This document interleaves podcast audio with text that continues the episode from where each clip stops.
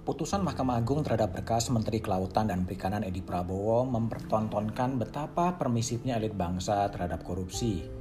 Majelis Kasasi Mahkamah Agung yang diketuai Sofian Sitompul, Gasal Basaleh dan Sininta Yuliansi Sibarani mengurangi hukuman bekas politisi Partai Gerindra dari 9 tahun menjadi 4 tahun. Pencabutan hak politik Edi Prabowo pun dikurangi dari 3 tahun menjadi 2 tahun. Elit negeri ini tampaknya mulai kehilangan daya dan energi melawan korupsi setelah KPK dilemahkan dan kini secara kelembagaan mengandung cacat etik dan moral. Lembaga peradilan seperti mengamini tren pelemahan pemberantasan korupsi. Tak terdengar lagi gelagar elit partai untuk perang melawan korupsi. Tak terdengar lagi suara elit di panggung kampanye bahwa korupsi di negeri ini telah memasuki kanker stadium 4. Elit malah getol melempar wacana menunda pemilu 2024 Padahal ancaman nyata bangsa ini adalah endemi korupsi. Di tengah suasana kebatinan, itulah Majelis Kasasi membuat putusan mengejutkan. Menurut Majelis Hakim Kasasi, bekas Menteri KKP itu telah memberikan harapan besar kepada nelayan sehingga layak diberikan keringanan hukuman.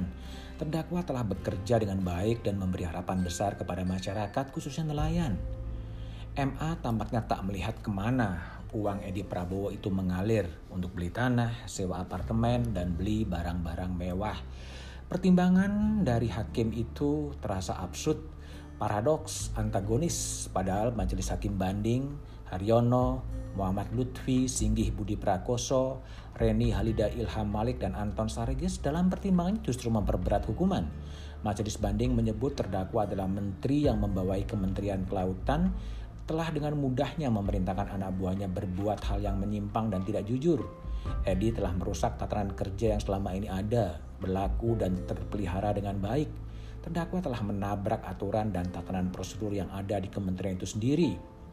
Inilah fakta hukum yang harus dihormati. Tidak sampai enam bulan sejak banding dibacakan, Hakim MA mengubah pertimbangan hukum secara diametral Eksaminasi terhadap putusan kasasi harus dilakukan. Argumen mana yang lebih mewakili keadilan masyarakat? Menteri Edi bekerja baik, demikian Mahkamah Agung, atau Menteri Edi telah merusak tatanan menabrak aturan dan mudah memberikan contoh menyimpang kepada anak buahnya, kata Majelis Hakim Banding.